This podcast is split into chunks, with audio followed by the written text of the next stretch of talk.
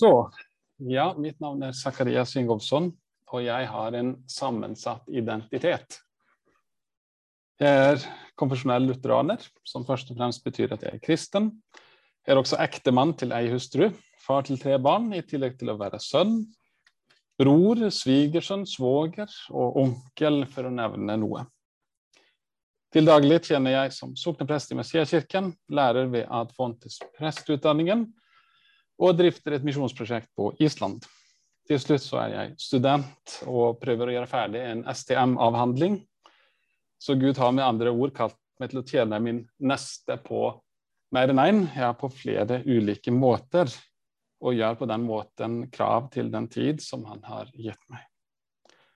Så Det er nettopp i håp om å tjene min neste at jeg har brukt tid på å undersøke dette større bildet når det gjelder vår tids forståelse av hva et menneske er, og eh, menneskets seksualitet. Og svare på spørsmålet hvorfor og hvordan er vi kommet dit vi er kommet. Å svare på det spørsmålet det vil hjelpe oss å gi svar på det håpet som bor i oss, samt å utfordre den gjeldende oppfatningen i samfunnet.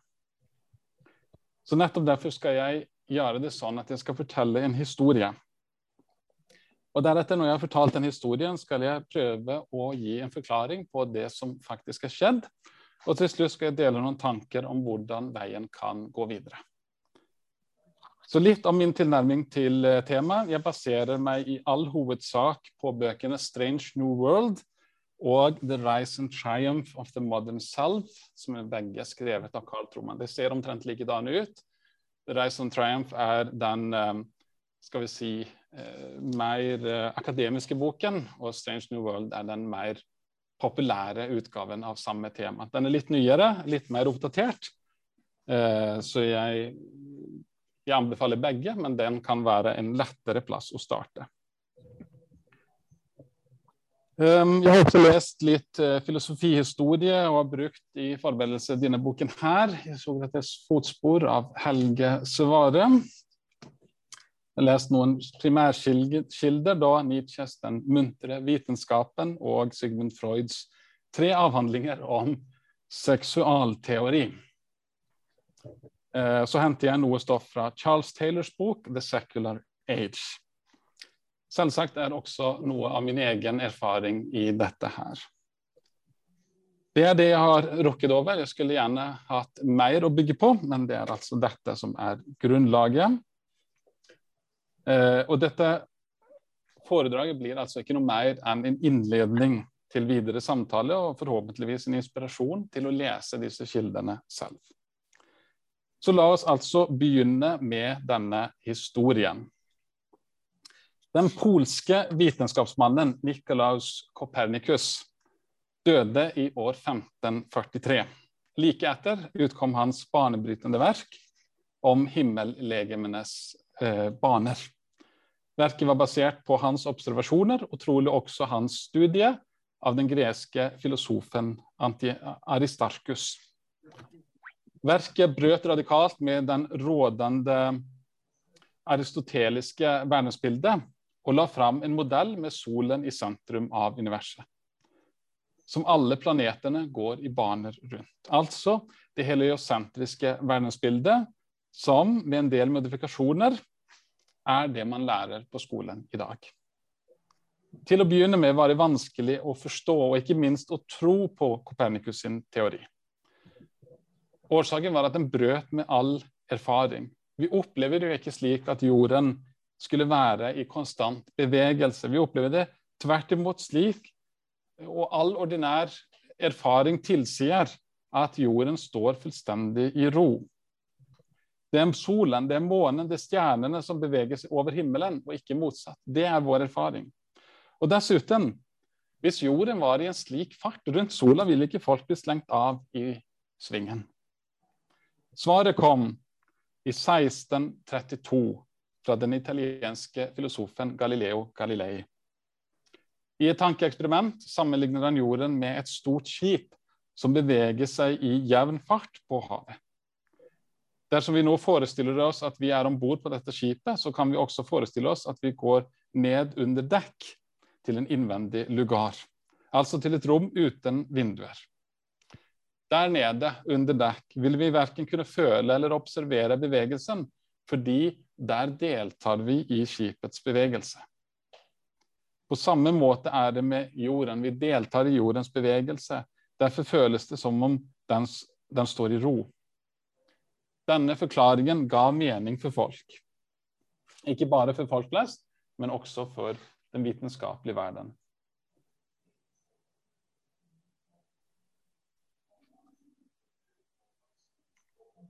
Sakte, men sikkert var verdens tankemønster i endring. I stedet for en levende verden, som blir påvirket av mange ulike slags krefter, både gode og vonde, så oppfattet man både seg selv og sine omgivelser mer og mer mekanisk. Med Isaac Newtons beskrivelser av naturlovene og mekanikkens matematikk ble det mer og mer pressende og passende å sammenligne naturen med et gigantisk urverk, sammenknyttet i en evig kjedje av årsak og virkning. Den under opplysningstiden blomstrende deismen brukte nettopp et slikt bilde for å beskrive Guds skaperverk. Slik deistene så det, hadde Gud skapt en verden i begynnelsen. Fullkommen god, den perfekte maskin. Han hadde trukket den opp, gjort den klar, og så trukket seg selv tilbake. Nå fikk urverket gå sin egen gang. Både for deistene og for samfunnet ellers ble det rent praktisk slik at man verken kunne regne med Gud i det daglige liv eller bruke han som forklaring til noe av det som skjer. Det aller meste fikk i stedet da en mekanisk forklaring. Enten var det planetene, enten det var planetene, jorden eller en hestevogn f.eks et eple som falt til jorda, en dårlig mage, så var forklaringen på en eller annen måte mekanisk. Med Gud parkert i bakgrunnen var det derfor mennesket som nå ble stående i sentrum. Det var mennesket som skulle ta vare på, som skulle drifte dette gigantiske urverket. På den ene siden var naturvitenskapen derfor menneskets store fellesprosjekt, som kanskje best ble uttrykket i opplysningstidens oppfinnelse av encyklopedi encyklopedien, som var et sted å samle all menneskelig kunnskap på én plass. Kanskje ikke på nivå med dagens Wikipedia, men altså et stykke på vei, og tanken var den samme. På den andre siden fikk man da et fokus på selve byggeklossen i et slikt fellesprosjekt, nemlig enkeltmennesket. Det autonome, det frie individet. Som konsekvens begynte det også å vokse fram foreninger av enkeltmennesker, av, frivillige, av, av frie individer som samlet seg i frivillige organisasjoner med et frivillig medlemskap. Det er altså fellesskapet av enkeltmennesker, fellesskapet av individer, som sammen skaper noe større. Individualismen fant også veien inn i teologien. Det var en sentral komponent i den lutherske pietismen fra slutten av 1600-tallet, den påfølgende metodismen i England, og eh, spredte seg fra metodismen til koloniene. Den ble også viktig for lekmannsbevegelsen i Norge som begynte i starten av 1800-tallet. Pietismens konventikkel, metodismens klasser, lekmannsbevegelsens lag og foreninger var nettopp foreninger av autonome enkeltmennesker med frivillig medlemskap. Man tok et standpunkt, man tok et valg, gjorde et individuelt valg om å være en del av bevegelsen.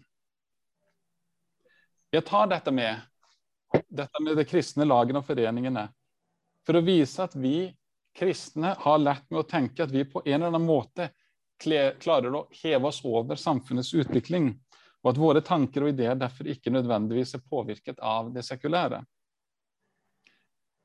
Men samtidig så er det noe så sentralt som den kristne foreningsvirksomheten.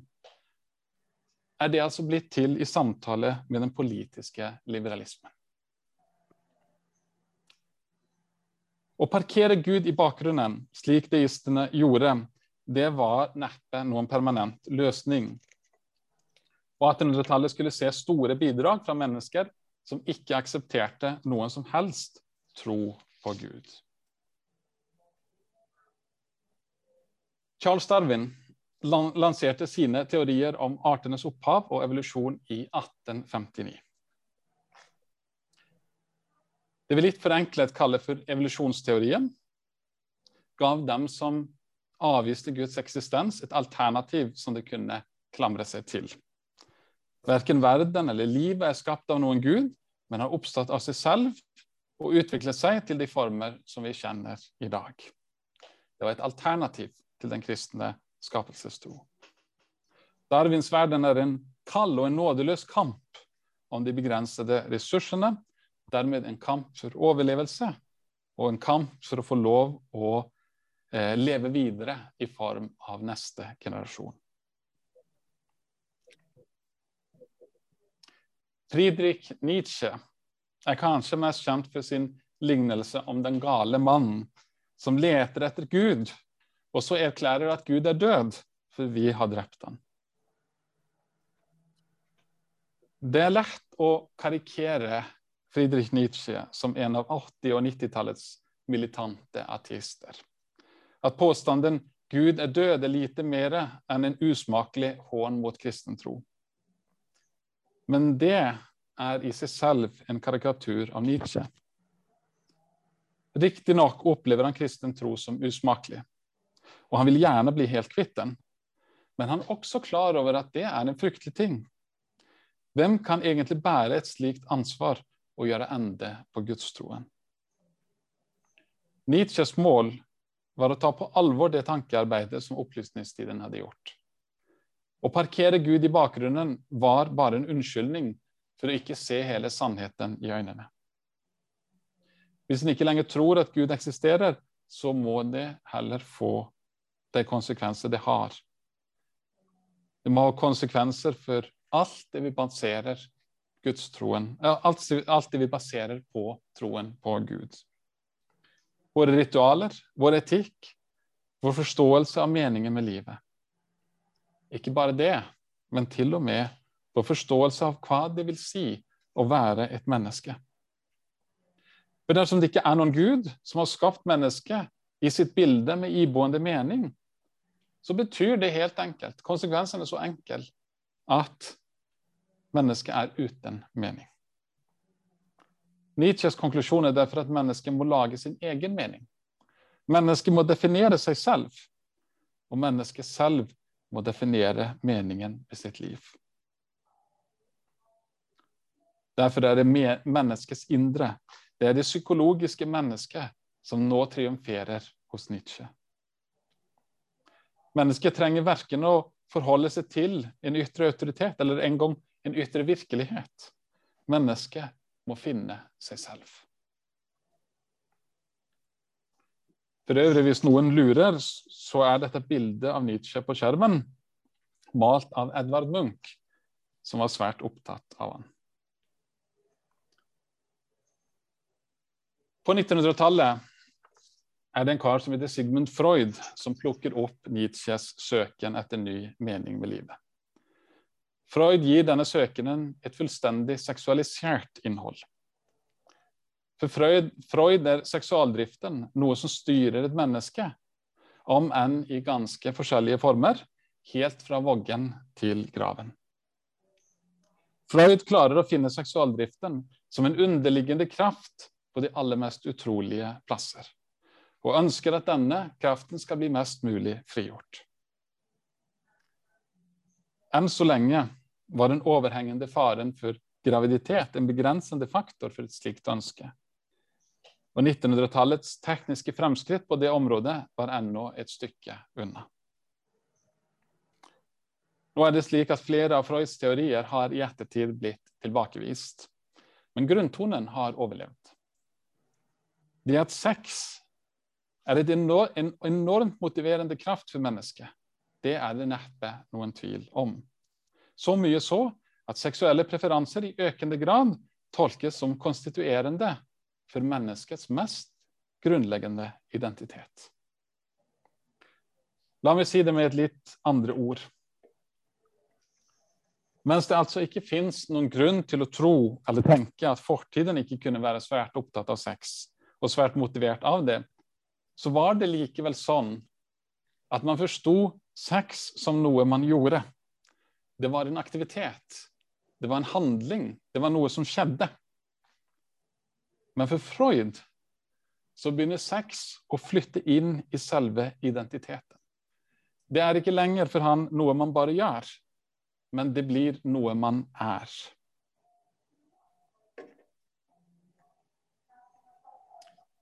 Det er et, sidespor som vi også bør nevne her.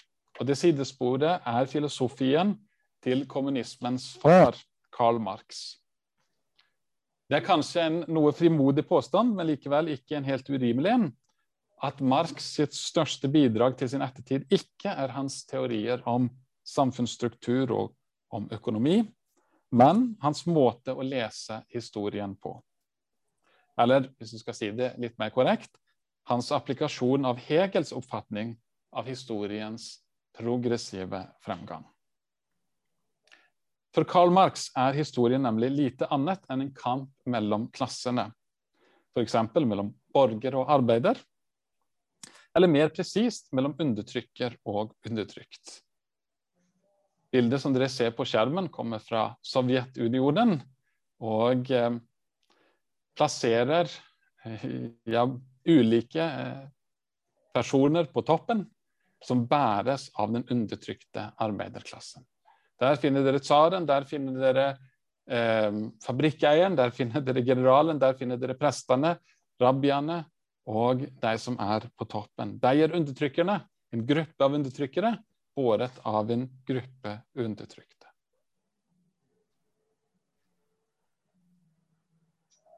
Og For Marx er altså historien kampen mellom disse gruppene. Mellom undertrykker og undertrykt. Og Det er denne kampen som med tiden fører til at de undertrykte får nok. De reiser seg opp mot undertrykkerne og beseirer dem. Dermed beveger samfunnet seg mot noe som er bedre. Det blir derfor et mål å fordømme og til slutt seire over historien og legge den bak seg og bevege seg framover mot noe større og bedre. Denne måten å tenke om og denne måten å revidere historien, dvs. Si å tvinge alle mennesker i en av disse to kategoriene, enten undertrykt eller undertrykker, burde være velkjent for dem som har fulgt med i nåtidens debattklima. Blant undertrykkerne finner vi menn, vi finner hvite og asiatiske menn og kvinner.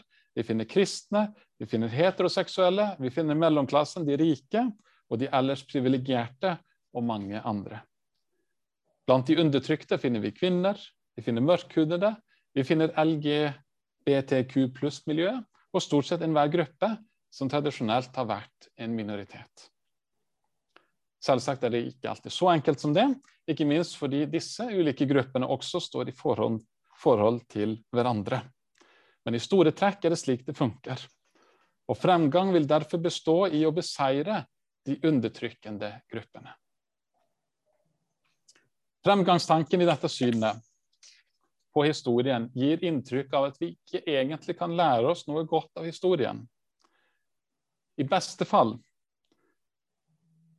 kan vi lære oss å eh, fordømme og for fremtiden å unngå gjentakelser av historiens feiltrinn.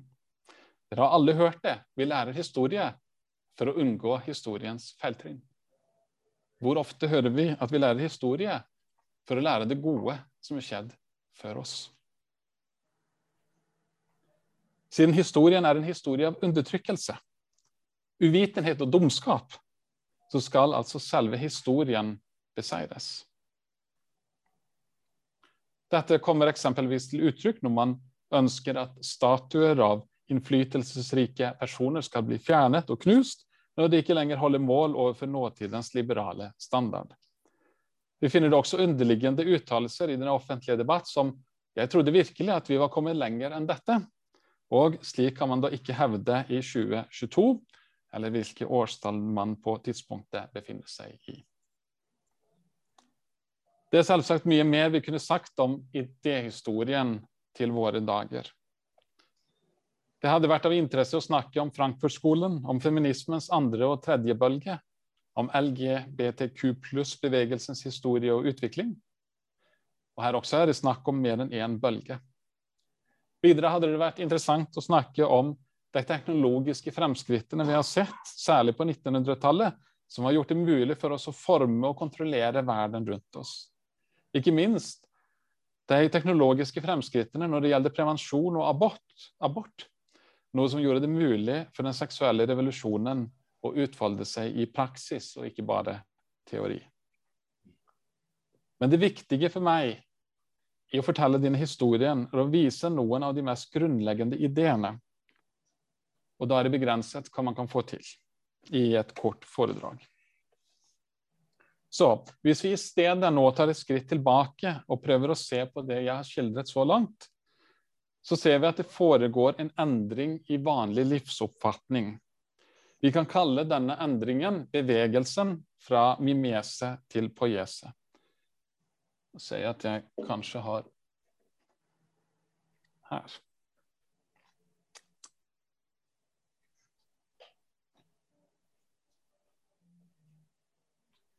Fra mimese til poiese, eller fra mimesis til poiesis.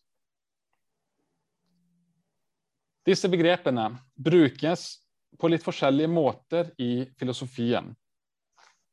Men eh, måten jeg skal bruke dem på, og bruke dem på her, da følger Charles Taylor via Carl Truman. Begrepene kommer eh, ja, henholdsvis av disse greske ordene mimeomai, som betyr å etterligne, og poieo, som betyr å lage eller å gjøre. Mimesis det er den holdningen at vi blir født inn i en verden med iboende mening og naturlig struktur som vi må tilpasse oss til. Vi må etterligne det som allerede finnes. Det fins en mal som vi skal inn i. Det fins en universelt gyldig moral. I en slik verden blir vi gjerne gitt en rolle som vi så skal fylle en forhåndsdefinert rolle. Det fins noe som er normativt, noe som er rett og noe som er riktig, som vi skal formes etter. For å illustrere mimese så kan vi prøve å tenke over hvordan skoleundervisning kan fungere i en slik tankegang. Eleven skal da undervises og lære seg bestemte verdier og regler. Han skal få kunnskap som kommer fra eksisterende autoriteter, eller som tidligere generasjoner har tilegnet seg og utviklet. Eleven skal hjelpes til å finne seg til rette i sin rolle i samfunnet og fylle den på best mulig måte. Unnskyld.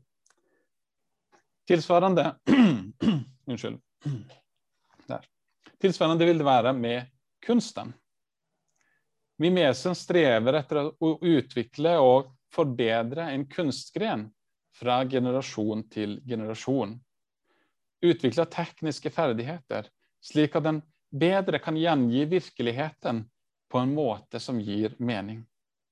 Det betyr ikke at den ikke kan sjokkere, eller at den kan eh, eh, si noe skarpt, f.eks. Men det er noe konkret som skal formidles via kunsten. Og det er viktig at det blir forstått. Mediet som kunsten er utforma etter, må derfor være egnet til å formidle. På Jesus på den andre siden, det er holdningen at verden som vi blir født inn i, ikke har noen iboende mening. Det finnes ingen rett måte å forholde seg til den verden. I stedet bør man oppfatte verden som et råstoff, et materiale, som vi kan bruke og forme etter våre egne ønsker etter det som bor i oss. Mm. Ta tar litt drikke her.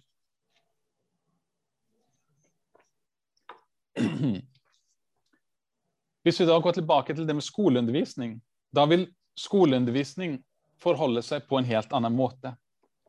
I stedet for å forme eleven til å passe inn i en bestemt mal for hva som er et godt og fungerende menneske, skal eleven gjennom undervisningen nå få verktøy til å dyrke fram det som allerede bor på innsiden. Det egentlige jeget, det psykologiske selv, eller psykologiske selvoppfattelsen, det er det som må styrkes og fremelskes. Eleven skal ikke finne sin plass i samfunnet, men han skal finne og uttrykke seg selv. Det er dette utdanningen vil hjelpe eleven å gjøre. Man kan derfor si at undervisningen i mindre grad er overføring av kunnskap, og i større grad er terapi. Jeg skal gå tilbake her, to bilder til dette her.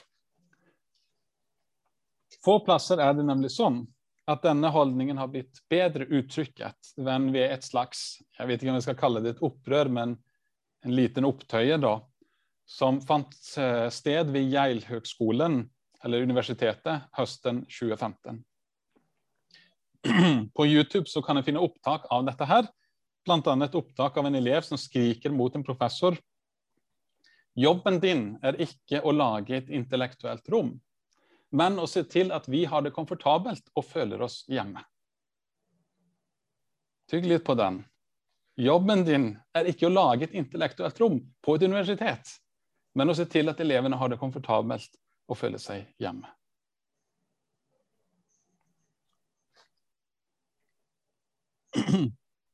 Kunst etter den poetiske tankegangen vil karakteristisk sett sette søkelyset på det som beveger seg på innsiden. Nå er det følelsen som er viktig, ikke hvordan den uttrykkes. Det konkrete medium er ikke vesentlig, eller i hvert fall mindre vesentlig.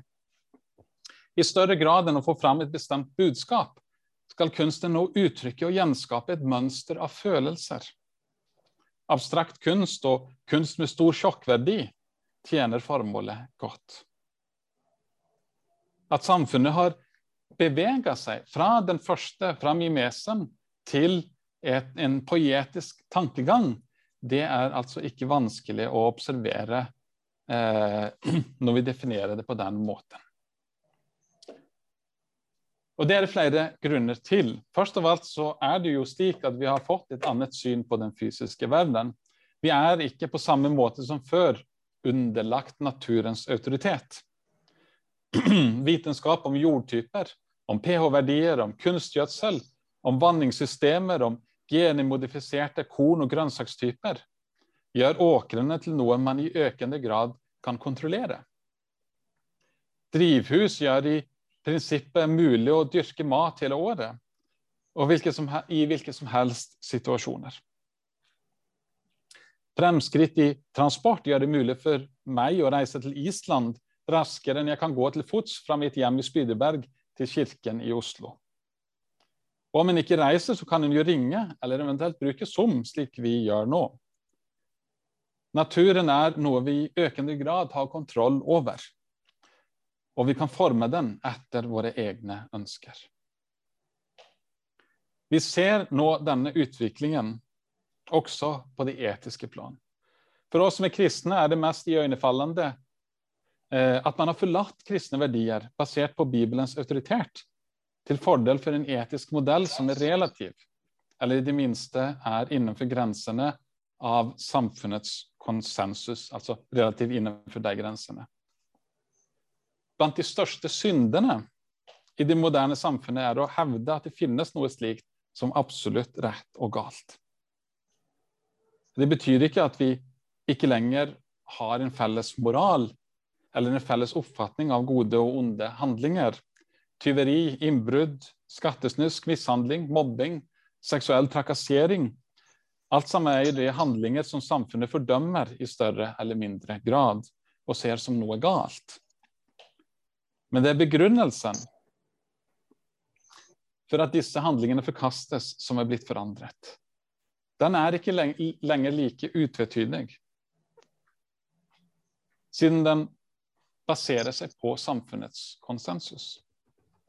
Derfor er det også slik at disse fordømmelsene, eller disse definisjonene av rett og galt, kan i prinsippet bli reforhandlet eller omforhandlet.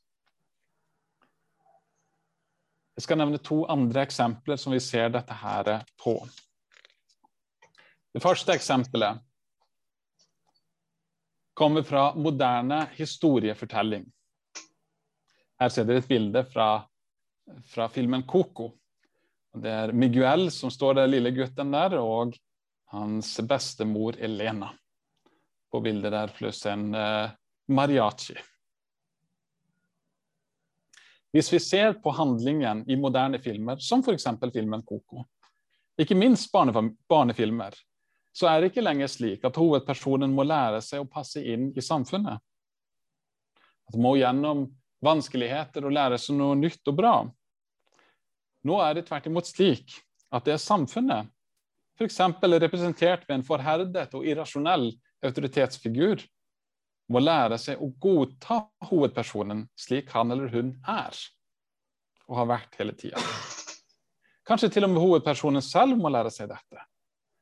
Svarene er ikke å finne i gamle autoriteter, men det er å finne i det nye. Fra en annen vinkel så er det ikke den indre virkeligheten i mennesket som trenger å godta de ytre rammene, men det er den ytre virkeligheten som å godta den indre. Dette eksempelet viser oss også hvordan ideer blir formidlet, eller i hvert fall en del av det. Jeg har nevnt de store filosofene her, men de fleste av oss har jo ikke lest noen av disse filosofene. Vi kjenner ikke innholdet i deres bøker. Men gjennom fortellinger, gjennom historier, gjennom kunst, gjennom poesi, gjennom musikk, gjennom annonser for varer og tjenester, blir vi utfordret med nye ideer, med deres ideer.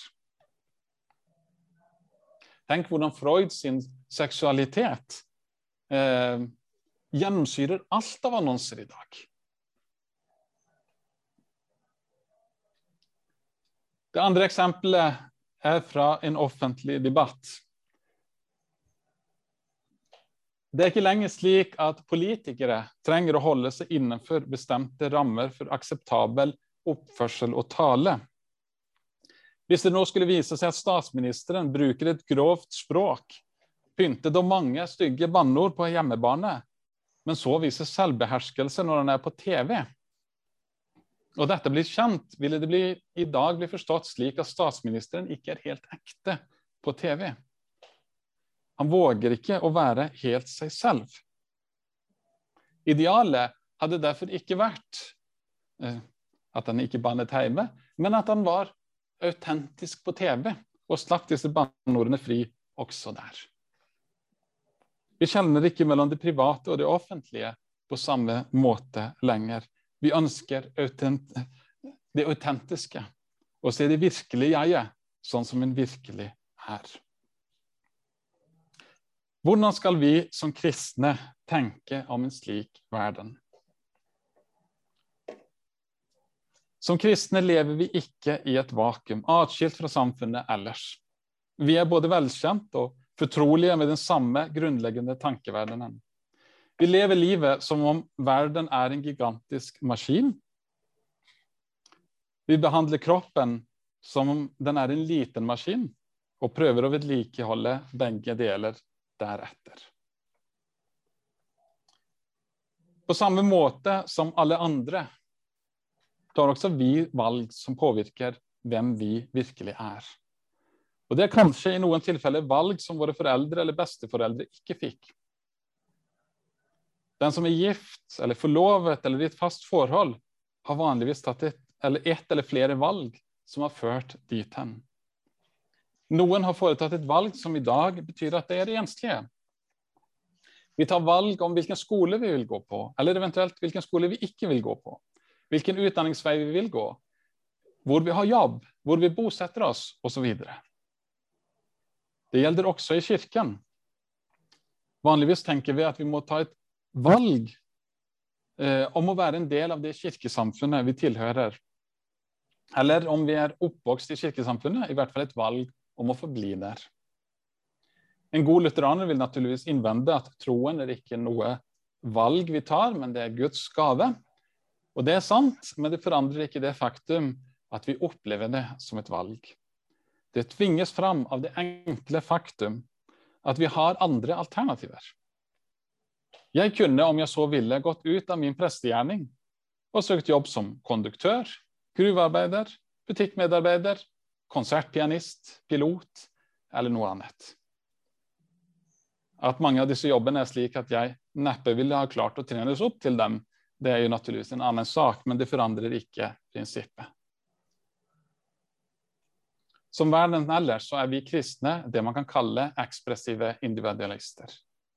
Vi ønsker å være den personen som vi er på innsiden. Det skjer først når vi opplever Eller det, når det vi opplever på innsiden, kommer til uttrykk på utsiden. Det er da vi opplever å være genuine og ekte. Derfor oppleves det også smertefullt når et slikt uttrykk ikke blir godkjent eller akseptert av samfunnet.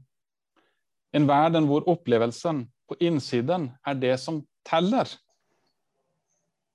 Den verden krever et samfunn som godtar, som aksepterer og som heier fram dette uttrykket, hva enn det måtte være. Samtidig så har vi som kristne naturligvis en overbevisning om at det finnes en Gud som har skapt himmel og jord, med hensikt, med iboende mening. At han har skapt oss mennesker i sitt bilde. Og at dette forplikter oss. At han har gitt oss en mening med livet, og at vi må stå til regnskap for ham når det gjelder hvordan vi har brukt livet vårt. Vi er ikke fri til å gjøre hva som helst, men vi skal la oss lede av Herrens ord.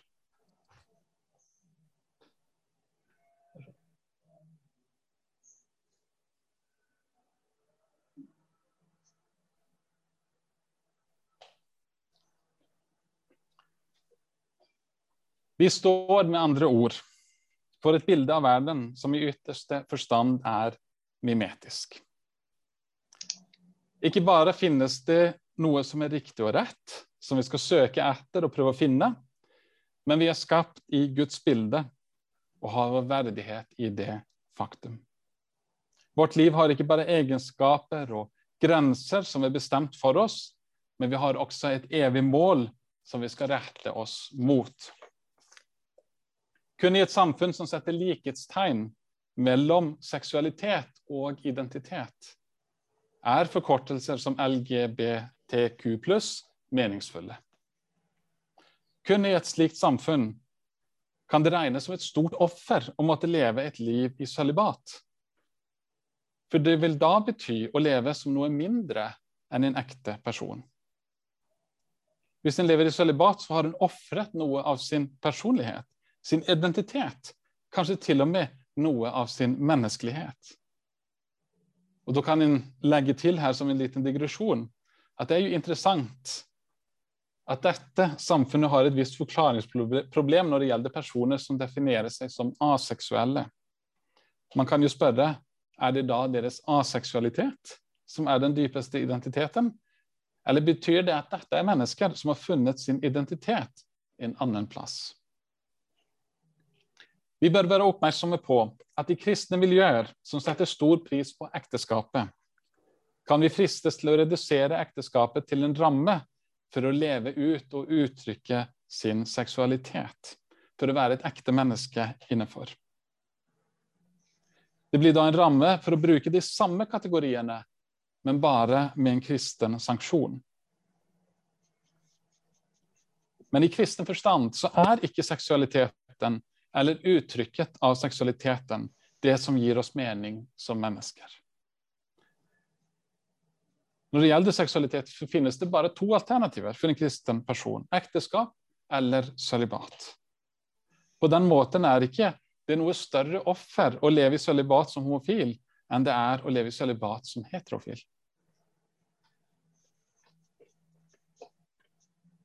Og Det er dette som gjør kristen tro så veldig provoserende for det moderne mennesket. At kristen tro hevder at det finnes noe som er godt og riktig, og på den andre siden at det er noe som er galt. Ikke alle seksuelle uttrykk er like gyldige. Jeg vil til og med gå så langt som å påstå at kampen mot konverteringsterapi i våre dager i virkeligheten er en kamp mot absolutt moral. Det kan ikke anses å være galt å endre retning i sin egen seksualitet. Det skjer jo hele tiden, gjør ikke det? Hvorfor skulle en ikke kunne bruke teknikker for å påvirke seg selv om en så ønsket? Å definere seg selv på en ny måte? Skulle en ikke ha mulighet til det? Nei, problemet er ikke egentlig metodene, men at bak metodene ligger det et absolutt krav om rett og galt. Dette er en kamp mot mimesis. Selv om man ironisk nok har tatt i bruk metoder som på overflaten ser ut til å kreve at den som er homofil, må fortsette med å være det, enten han ønsker så eller ikke. Han er satt inn i en form som han skal holde seg til. Til slutt Carl Truman, som har skrevet denne boken, foreslår, og der er jeg helt enig, at vi bør se til oldkirken og veiledning for hvordan vi skal møte samfunnet vi bor i. På den tiden var kirken en minoritet, en kristen monoteisme i et livssynsmessig pluralistisk og etisk relativistisk samfunn. Også i dag så står vi som kristne i økende grad for et syn på livet som ikke lar seg forene med samfunnet ellers. Jeg har lyst til å foreslå tre ting som vi bør kunne tenke som kirke. Først at vi gjenoppdager katekesen. Kristen kunnskap går mer og mer tapt, også innenfor kristne samfunn. Staten har i lang tid stått for den grunnleggende katekesen, og vi er ikke vant til, verken foreldre eller lekmannsbevegelsen eller frikirker, å måtte ta ansvar for trosopplæring av barn og ungdom, og i hvert fall ikke ta ansvar for trosopplæring for voksne. Dette trenger å endres. Og det må begynne i menighetene. Vi må styrke arbeidet med bibelstudier og undervisning i menigheten for alle aldre, slik at flere kirkegjengere opparbeider seg en god oversikt over troens innhold og venner seg til å bla og lese i Bibelen. Slik vil en også da få satt menneskesynet inn i rammen av hele katekesen, og ikke jobbe med det kun som et isolert tema. For det andre må vi ha tettere fellesskap. Det har lenge vært slik at samfunnet var gjennomsyrt av kristne individer. Ikke alle var kristne, naturligvis, kanskje ikke engang flertallet, men det var kristne mennesker overalt. Man møtte dem daglig. Man visste hvor de var, hvor de bodde. Man bodde i samfunn med dem. Nå er det slik at vi gjerne møter kristne mennesker i menigheten på søndag, men ellers i uken ser vi dem sjelden eller ikke i det hele tatt. Her trenger vi å gjøre noen betydelige endringer.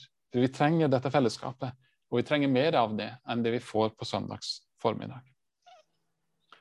For det tredje, la oss tale et språk som også gir rom for følelsene og nåtidens måte å snakke sammen på. Nå mener jeg ikke at vi skal bygge en kristendomsforståelse hvor følelsene er grunnlaget. Tvert imot. Det følelsesmessige skal springe ut av det objektive i troen. Men disse følelsene må få lov å komme til uttrykk. Vi må ha mulighet til det. Det kan hende at søndagsgudstjenesten ikke er den rette plassen for lange samtaler, fortellinger av anekdoter osv. Men det er nødvendig at det skal være et rom for det. Kanskje nettopp bibelstudiekvelder eller søndagsskole for voksne kunne være den arenaen. Det er kanskje ikke dette dere forventet når jeg skulle holde foredrag om menneskesyn og seksualitet. På en måte så har jeg snakka lite om noen av delene sånn direkte. Men målet mitt har vært å tenke mer prinsipielt. Å finne fram til kjernesakene som dette springer ut av. For Hvis vi begynner med å gripe kjernesakene, det sentrale, så legger vi da grunnlaget for å kunne snakke bibelsk om alt det andre også.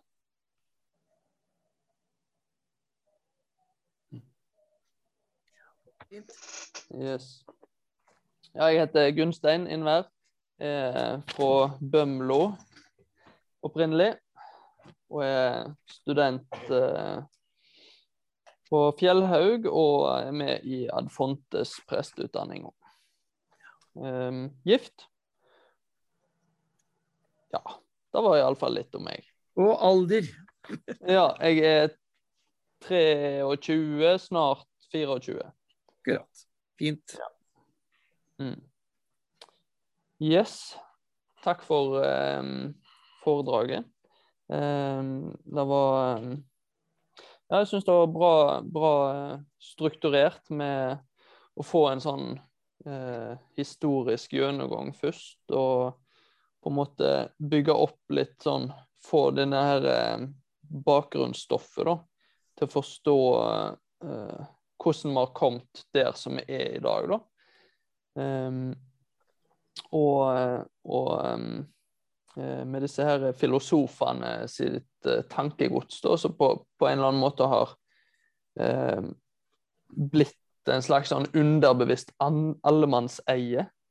Um, og akkurat dette her som du snakket om med han Nietzsche, eh, med at mennesket ikke har noen mening, det var um, noe snakket med en lærer på, på Fjellhaug om i dag, faktisk. Han hadde vært i Japan og, og uh, undervist uh, der litt. Og han snakket om at uh, i Japan, i forhold til de høye, den høye sekulariseringa, så er dette her med at mennesket ikke har noen mening, um, trolig en stor grunn til um, selvmordsratene som er så høye i Japan.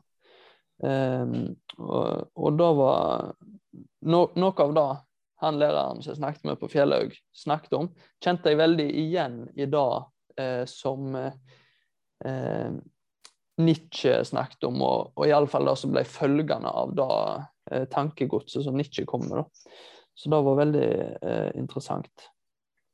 Og så eh, eh, ja, dette her med Med dette positive eh, på en måte evolusjonistiske historiesynet. At uh, en har en sånn slags tanke om at uh, uh, historien beveger seg alltid mot noe bedre, da.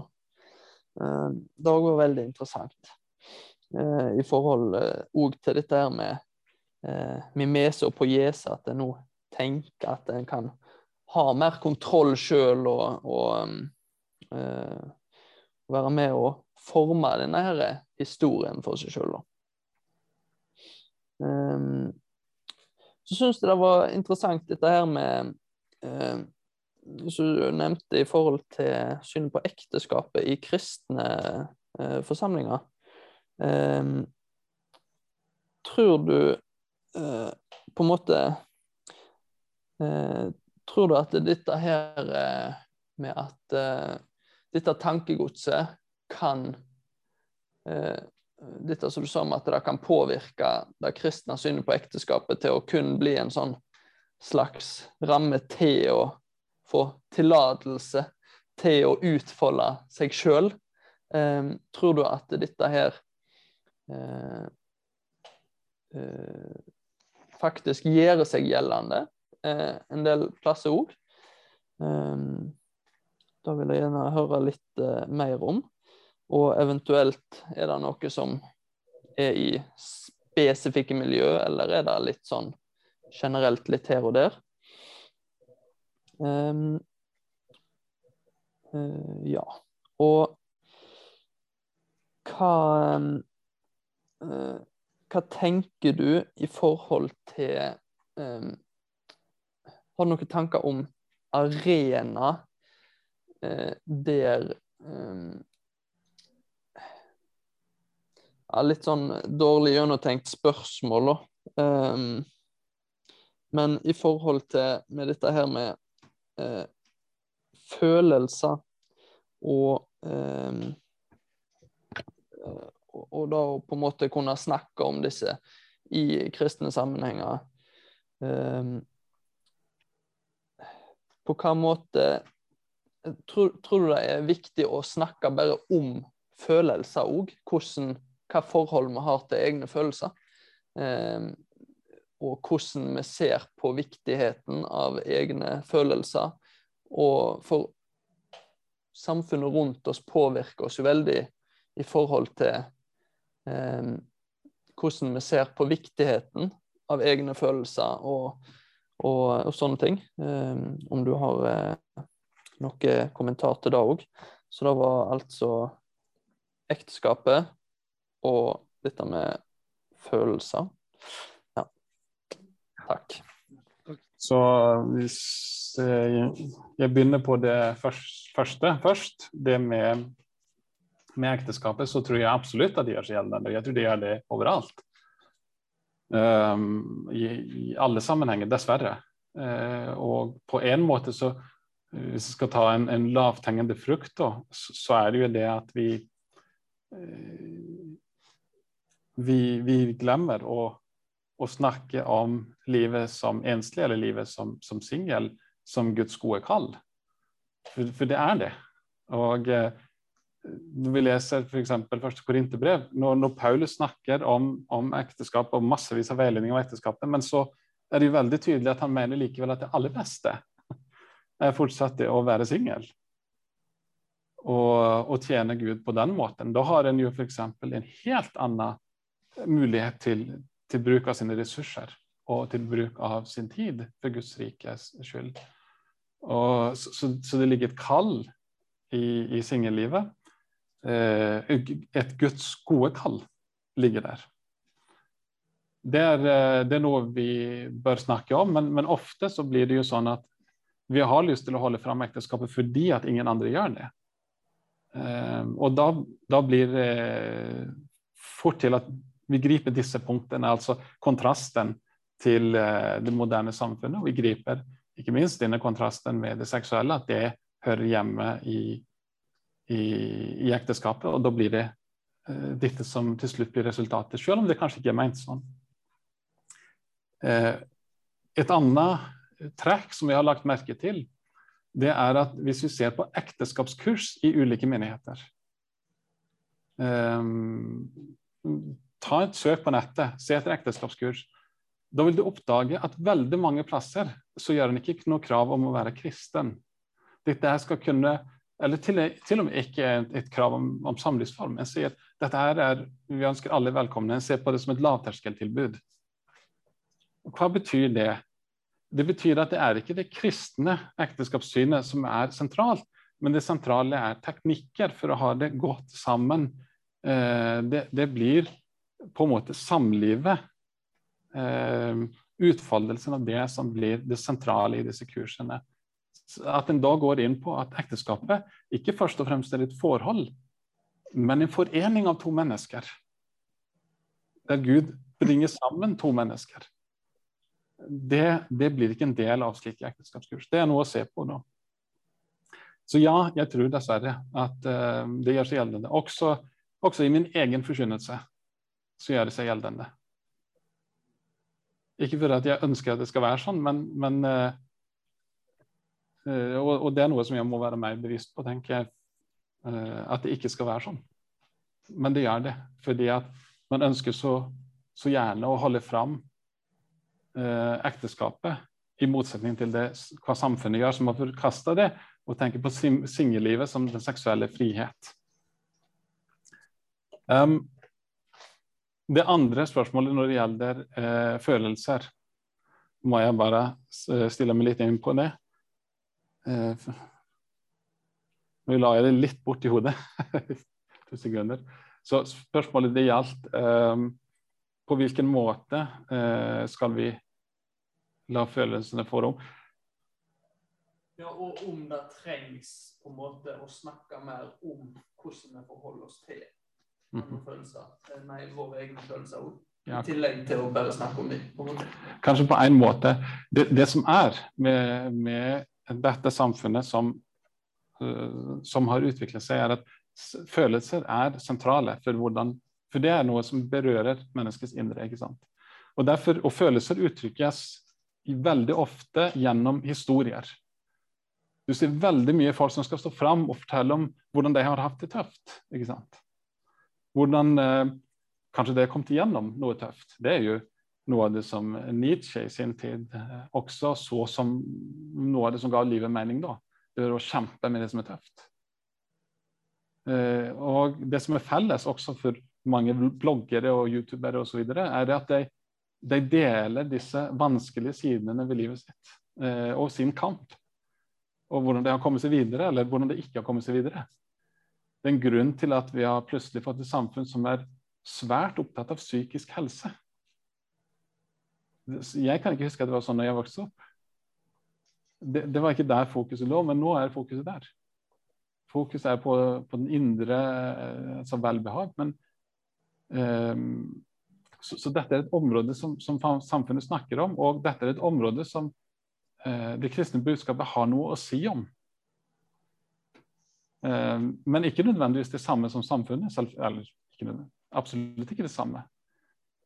Fordi at vi, vi skal forankre eh, det vi føler i, i den objektive virkeligheten av at vi er skapt av Gud. Så, så, så det er på en måte én måte det kan komme fram, er at vi er alle sammen skapt av Gud, og vi er elsket av Han i kraft av å være hans skapelse, i kraft av å være skapt i hans bilde. Eh, og Dette igjen er noe som må bli større i forkynnelsen. fordi at før, uh, under vekkelsene, så visste folk dette her. Det hadde de lært seg. De visste at Gud skapte dem. Ingen vet det i dag. Det må sies. Uh, men det er den ene siden. Og den andre siden er det at jeg tenker at folk trenger en, en plass å få dele sine troserfaringer. Når vi, når vi, ser det å dele erfaring som sentralt for hvordan samfunnet vårt snakker sammen, eh, så har vi mye å fortelle også i, på den måten. Det er ikke det samme som forkynnelse, men det betyr ikke at det er uviktig og uvesentlig. Mm.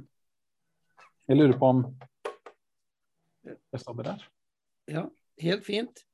Da um, sier vi takk så langt. Eh,